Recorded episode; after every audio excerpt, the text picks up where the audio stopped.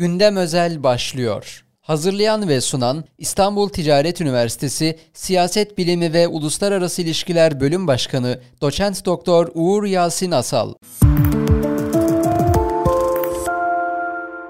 18 Mart 1915'in bu yıl 108. yılı içerisinde olacağız. Ve bu 108 yıl içerisinde aslında dünya tarihinin bize kazandırdığı çok önemli tecrübeler var. Çanakkale'yi bu tecrübeler ışığında okuduğumuzda buradan gerçek sonucu almış olmak mümkün hale geliyor. Çünkü Çanakkale o devir içerisinde dünya teknolojisinin bir savunma hattı karşısında nasıl başarısız olduğunu da gösterdi. Çünkü o zamana kadar gerçekten yenilmez armada dedikleri ve dünyadaki donanma teknolojisinin son unsurları Çanakkale'de Türk savunması karşısında başarısız oldu. Bu askeri açıdan büyük bir infialdi. Bunun etkileri aslında savaşın seyrini de bu manada etkiledi ve öncelikli bir şok olarak da algılandı. Çünkü böyle büyük bir donanma dar bir boğazda bir hattı kıramadı ve bir yönüyle savaşın sıklet merkezi Osmanlı topraklarından farklı noktalara doğru taşındı. Bu yönüyle aslında çok önemli bir askeri tecrübe var. Diğer taraftan tabii ki bu sürecin uzamasının dünya siyasi tarihinde doğurduğu yeni bir devrim de oldu. O da Rusya'daki Bolşevik devrimi. Ekim devrimine yol açan buradaki yardımın ulaşamaması,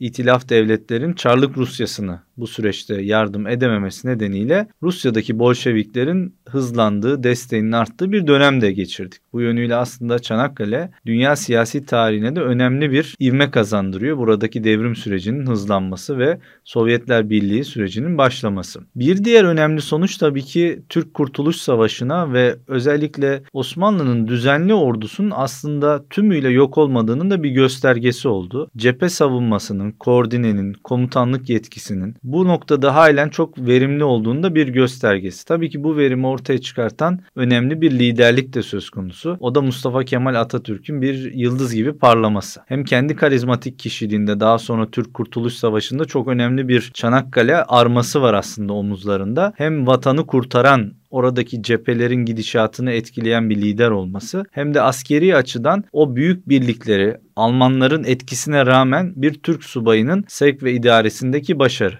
Bu yönüyle hem Türk ordusuna büyük bir moral motivasyon kazandırmıştır. Hem de Türk ordusunun bundan sonra atacağı adımlarla ilgili de Mustafa Kemal'in zihninde de Türk toplumunun zihninde de önemli bir sonuçtur. Nitekim bu sonucu Kurtuluş Savaşı'nda son anda tekrardan düzenli ordunun özellikle batı cephesinde başlayan ileri harekatlarında görmek mümkün ama Mustafa Kemal'in zihnindeki Türk ordusunun nasıl dizayn edileceğine Çanakkale'de elde ettiği tecrübeler hem olumlu anlamda hem de olumsuz anlamda çok önemli bir sonuç çıkart. Bütün bunları birlikte düşündüğümüzde Çanakkale'yi bir yere oturtmak mümkün. Yoksa sadece bir savunma hattı ve savunma savaşı olmanın ötesinde değerlendirmek lazım. Özellikle anafartalarda Atatürk'ün daha sonraki veciz bir sözü e, savaştan sonra çok sık duyuldu ve liderliğinde de çok önemli bir belirleyicidir. Ben size taarruz değil ölmeyi emrediyorum ve buna ilişkin verdiği birlikleri üzerindeki etki. Ve yine bunun gibi savaş esnasında yaşanan birçok askeri tecrübe söz konusu. Burada Türk ordusunun disipliniyle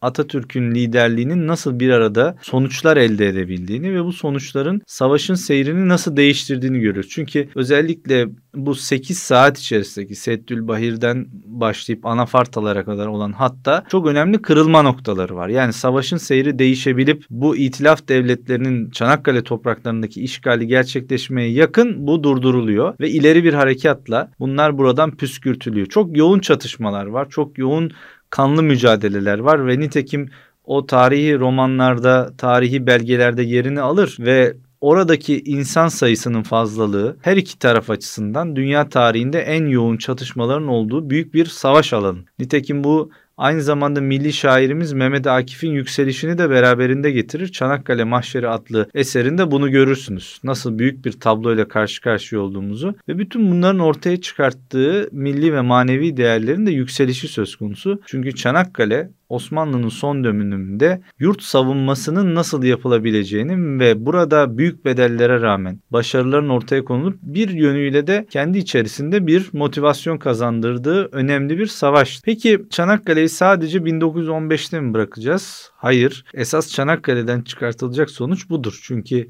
Çanakkale bize bir şeyi gösteriyor. Aslında savaşın o dereceye gelene kadar yapılan eksik ve hatalar da söz konusu. Bu savaşa giriş şeklinden Osmanlı'nın ordusunun bu denli gerileyerek bir yurt savunması içerisinde bir işgale kalkışılması ve benzeri kendi içerisinde siyasi tarihte çok önemli sonuçlar verir. Birincisi buradan bakmak gerekir.